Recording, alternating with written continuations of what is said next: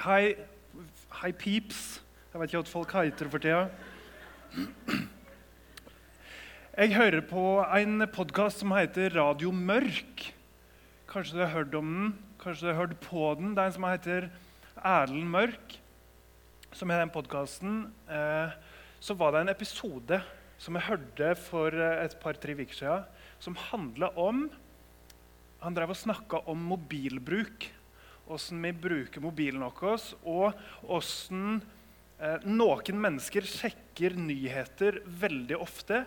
Og åssen det er bare helt sjukt åssen vi i lomma på noen få sekunder kan bare få alle mulige forferdelige ting i verden som skjer i verden. Det kan vi lese om, det kan vi se på, det kan vi høre om bare gjennom noen sekunder så er vi fora opp på all verdens lidelse.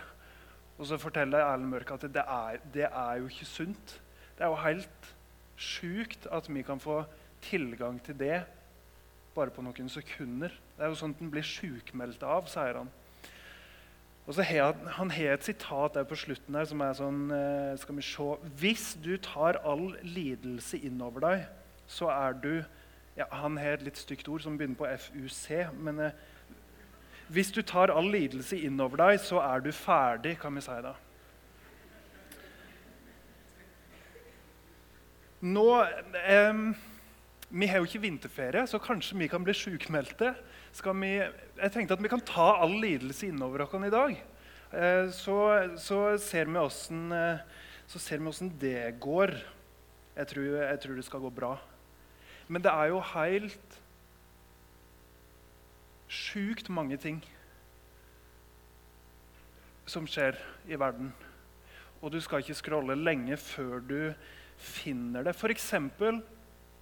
om et par viker, uker, tror jeg, så begynner det en, eh, en rettssak. En rettssak om terroristen som for to år siden under Oslo Pride rett ned i gata her, bare noen, et par 300-400 meter, tok fram geværet og skjøt rundt seg, drepte to mennesker i Norge for to år siden. På mandag så var det en som ble knivstikket litt lenger ned i sentrum her. I Chile så har det vært en del skogbranner og branner, store branner i det siste. Og det er over 100 mennesker som er dødd, brent opp. Flere tusen har mista heimene sine. Og for to år siden, i dag, 24.2.2022, så invaderte Russland Ukraina. Jeg tipper det Noen her inne har vært i Forsvaret. Jeg var i Forsvaret et år, og da lærte vi Da øvde vi på krig. Vi lærte hvordan vi skulle drepe folk med gevær, med kanoner. Vi øvde på krig. Vi sprang rundt i skogen og øvde på å drepe folk. Og akkurat nå så skjer det på ekte. Det er ikke en øvelse, det er ikke leik. Folk dreper hverandre. Vi hører om Ukraina, vi hører om Gaza. Det skjer akkurat nå. Åpne dører de arbeider med sånn forfulgte kristne rundt forbi i verden. Og De sier at i fjor, i 2023, så var det 5000 som ble drept fordi de var kristne. 5000 1000 mennesker. Det vil si ca. én person annenhver time. Så det vil si sannsynligvis Det er sannsynlig at i løpet av de par timene vi er i misjonssalen her i kveld, så er det ett menneske som blir drept fordi det tror på den kristne guden. Det er et eller annet i verden som ikke er sånn som det skal være. Det er helt forferdelig. Og vi, nå har vi jo bare nevnt en liten brøkdel av det som skjer rundt forbi. Det er helt vanvittig. Vi skal snakke om Salme 46. og Det er ei salme som er skrevet av noen som opplever et eller annet forferdelig. Det er litt vanskelig å si akkurat åssen ting de opplever. En plass, og Mot slutten av salma så virker det som det er krig de opplever.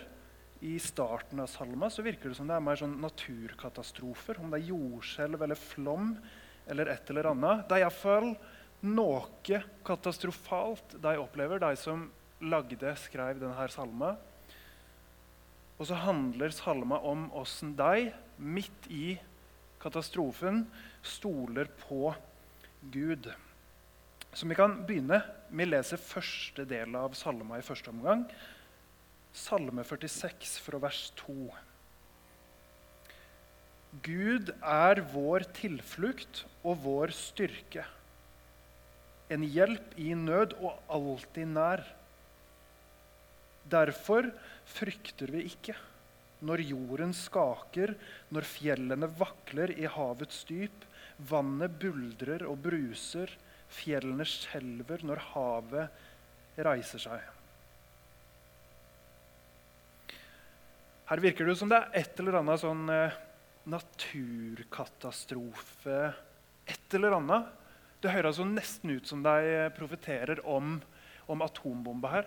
Hvis vi får det opp igjen. Det snakker jo om at fjella skaker, og hva er det står?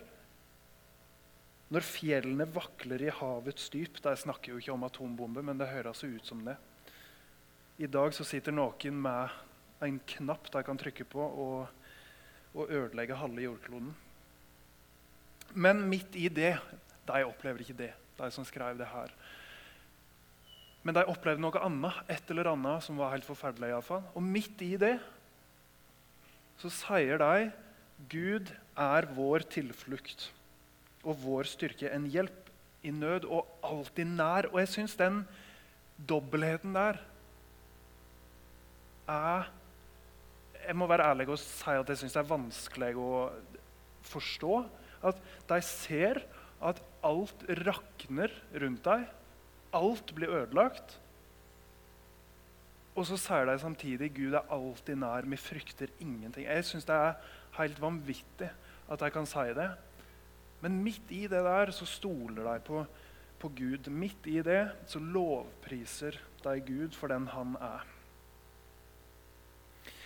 Vi kan lese litt videre i salme. Jeg kan jo si at det, denne salma handler ikke om deg, da, dessverre. Ofte når vi kommer på gudstjeneste, så hører vi andakter om deg. Eller om, om, akkurat deg, og som er kjemperelevant for deg. Men denne salma er ikke sånn. Det handler ikke om deg. Men det er jo hele poenget med lovprisning. er Det ikke det? Det handler om noen andre. Og det er litt deilig av og til. Nå skal du slippe å tenke på det sjøl. Vi leser videre fra vers 5. Og nå får vi lese litt om Guds by, står det her.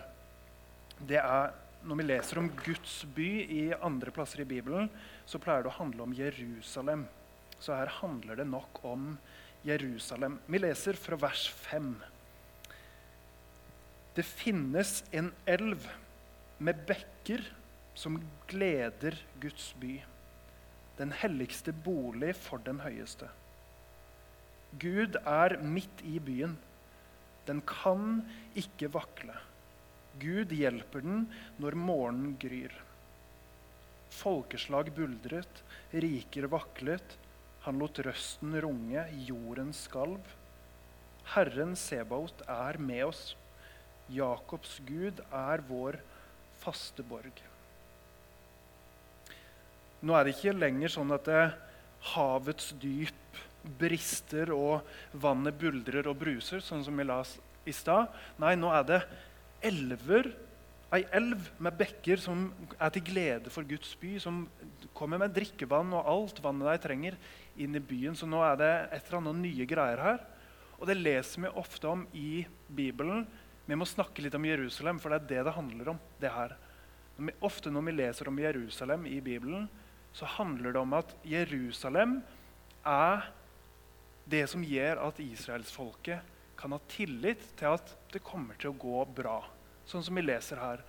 Det er Israel, der Gud bor, Gud er midt i byen, den kan ikke vakle. Av tempelet, av Jerusalem og at Gud er der, så har de beskyttelsen de trenger, de har vannet de trenger, de har alt de trenger.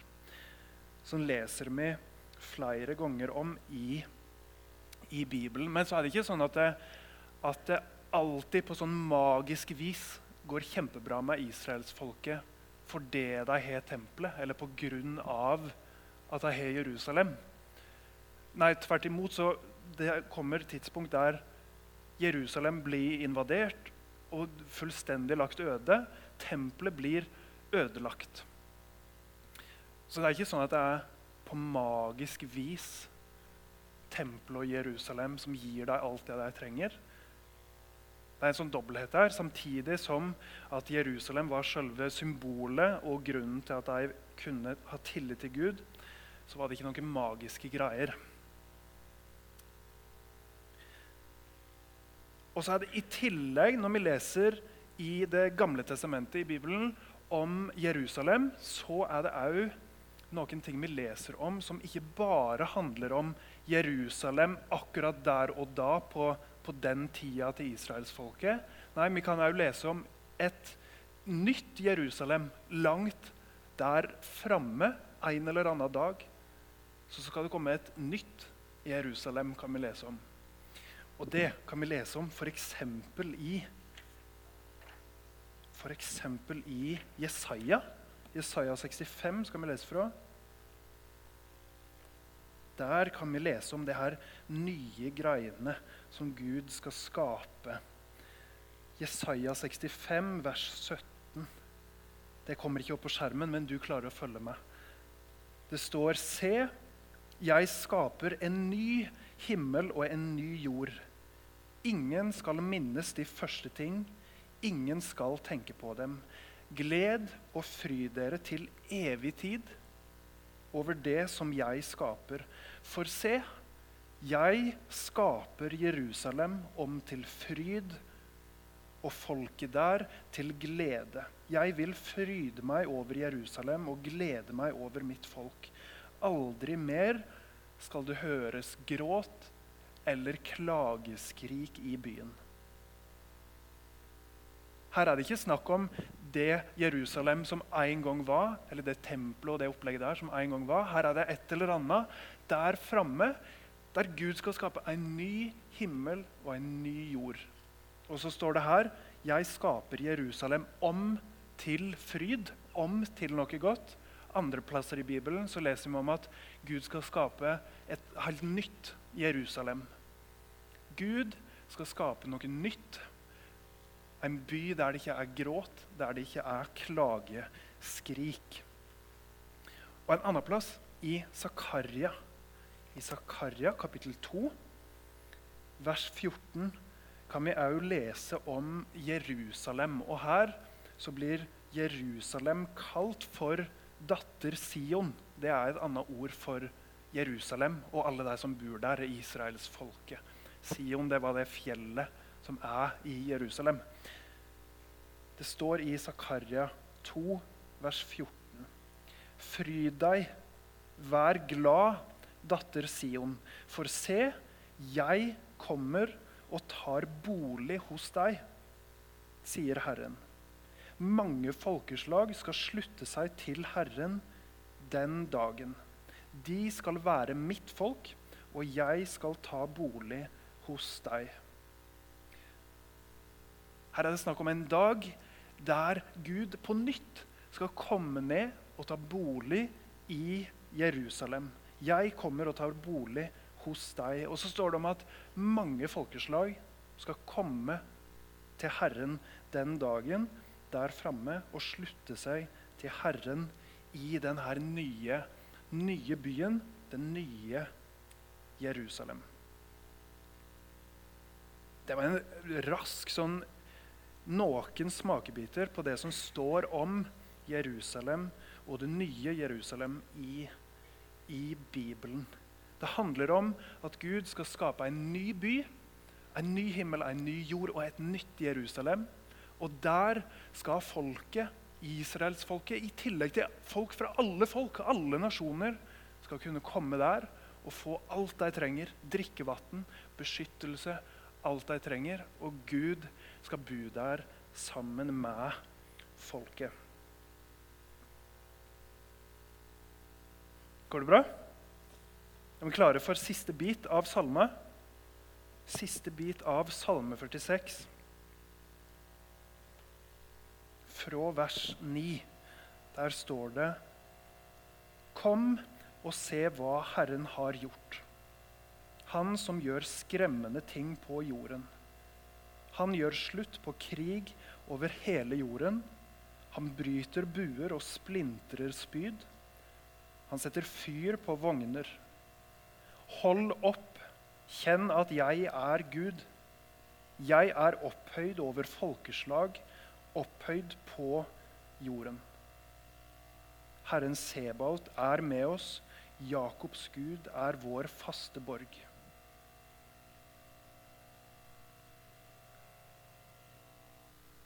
Her leser vi om at Gud gjør slutt på krig. Og at de trodde at Gud gjorde slutt på krig. Og så er det den der dobbeltheten med at ja, de tror på at Gud var en beskyttelse for dem der og da, i det Jerusalem, i det landet, på den tida. Samtidig som det er noe mye større der framme, der Gud skal gjøre noe nytt, sånn at det ikke lenger blir gråt og klageskrik. Den, det ser både på det som en gang var, og samtidig langt fram.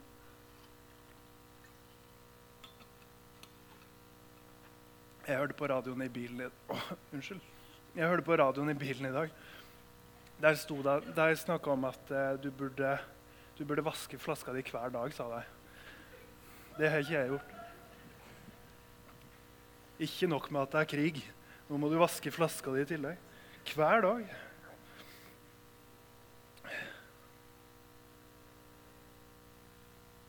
Midt i det katastrofale som de som skrev og ba og sang Salme 46 Midt i det katastrofale og forferdelige så lovpriste de Gud. Og jeg syns det er helt sjukt. Jeg som har levd et uh, putefint liv her i Norge, syns det er vanskelig å forstå, men de forstår det. De på en eller annen merkelig måte har en sånn tillit til Gud midt oppi det katastrofale.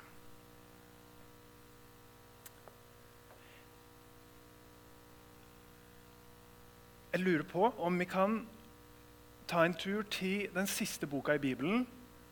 For der står det om noen av de samme tinga som vi snakker om nå. Johannes' åpenbaring, som er den boka, siste boka, den snakker om, den ble skrevet i en periode der kristne ble forfulgt. Det er Johannes som har skrevet, og han skriver, han skriver brev. Han skriver denne boka til folk som blir forfulgt. Og så kan vi òg lese om i Johannes' åpenbaring om at det, det skal bli mer forfølgelse. Det skal bli krig, naturkatastrofer. Det kommer til å komme. Det kommer til å komme katastrofer lenge fram. Og så handler òg Johannes' åpenbaring om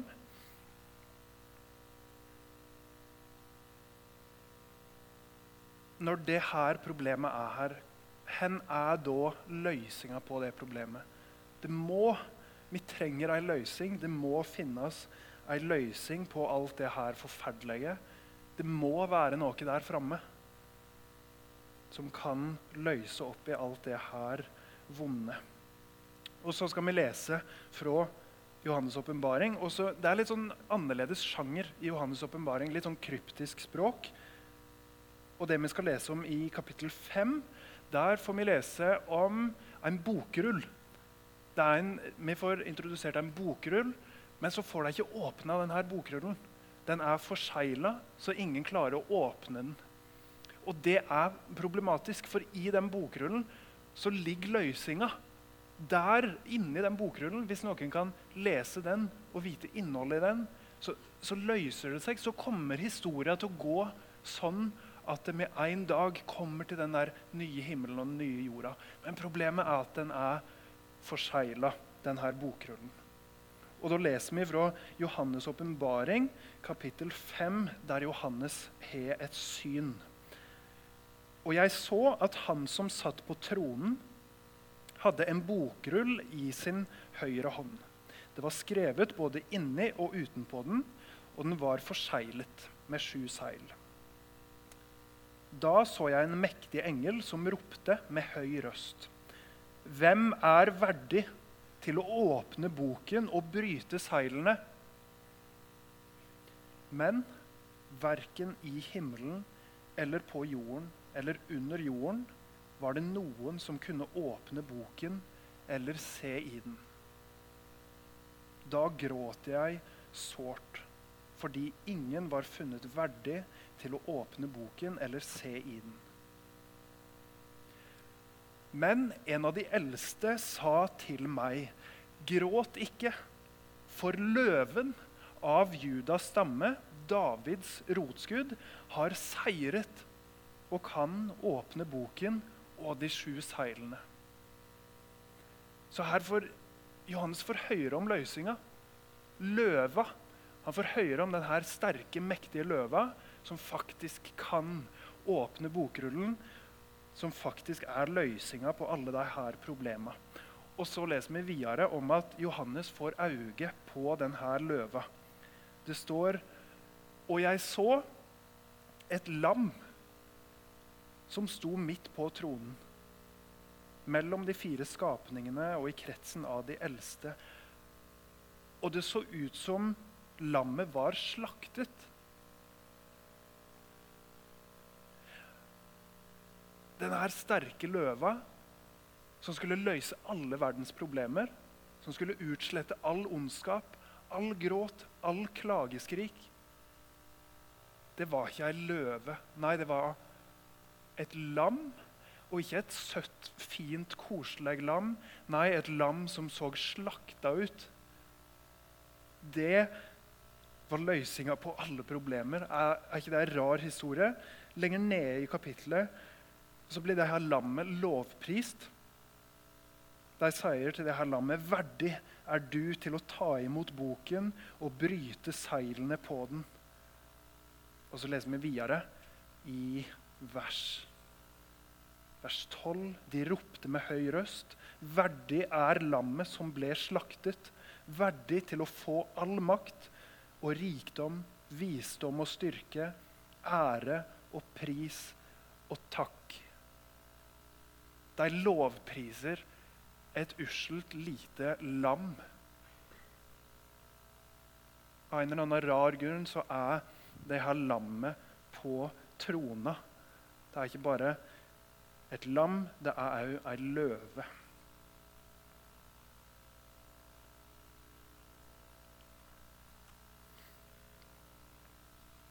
i den eh, Det var Lars Berrum som var, som var gjest i den eh, podkastepisoden til Erlend Mørk. Da de snakka om mobil og Nå har jeg sitatet her igjen. For Lars, Jeg syns Lars sier noe vanvittig bra i den samtalen han har med Erlend Mørk. Det er Erlend Mørk som sier det her. Ja, folk blir jo sjukmeldte av sånt her. Det er jo forferdelig at vi, folk, vi, vi må passe oss så vi ikke bare sitter og scroller hele tida. Og så er med det sitatet han sier Hvis du tar all lidelse innover deg, så er du ferdig. Og så er det etter det at Lars sier Ja, du så hva som skjedde med Jesus.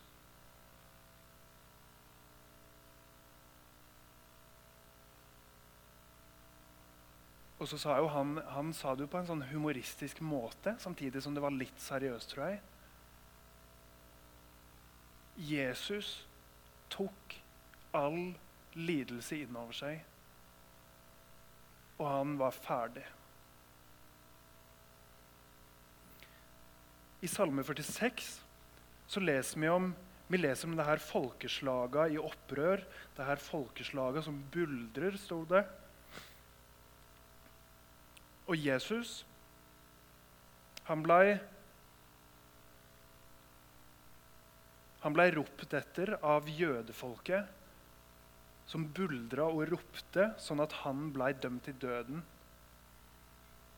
I Salme 46 så leser vi om krig og vold. Jesus han ble torturert og drept. Og så ble han lagt i ei grav der han, der han ble passa på av soldater som var, som var trent opp til krig.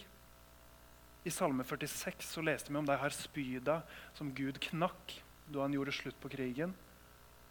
Jesus han fikk et spyd i sida si da han hang på korset.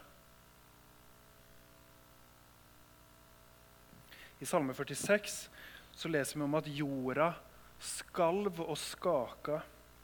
Og etter Jesus døde på korset, så kom det et jordskjelv. Hvis du tar all lidelse innover deg, så er du ferdig. Og Jesus tok all lidelse innover seg, og han var ferdig. Han var som et slakta lam. Men så er det pga. det at denne bokrullen kan åpnes. Det er pga. det at vi kan ha et håp om at alt det onde i verden en dag skal bli til noe helt nytt, der det ikke er gråt, der det ikke er klageskrik. Det var ikke fordi Jesus kom som ei brølende løve, gikk opp på trona og vant over alt og alle med makt. Men det skjedde med at Jesus ble opphøyd på et kors. Ble slakta på et kors. Og det er det som gjør at vi kan lovprise. Vi ber. Kjære Gud, du ser Du ser faktisk alt som skjer i verden. Gud, vi ber om at du må være med deg som lider. Vi ber om at du må være med alle deg som opplever forferdelige ting, om det er krig eller naturkatastrofer eller andre ting. Herre, vi ber om at du må bryte våpna. Vi ber om at du må knekke knekke spyda, sånn som du, sånn som du står med Salme 46. Vi ber om at du må gjøre det i dag, og vi ber om at du snart må komme igjen og skape en ny himmel, en ny jord, et nytt Jerusalem, der vi kan få bo med alle folk fra alle folkeslag og nasjoner sammen med deg. Og så lovpriser vi deg. Jesus, du er verdig. Du har gjort alt. Du gjorde det som trengtes. Du opphøgde ikke deg sjøl. Nei, du fornedra deg sjøl. Og så ble du hengt opp på et kors. Vi takker med deg for Jesus, og vi priser deg for det.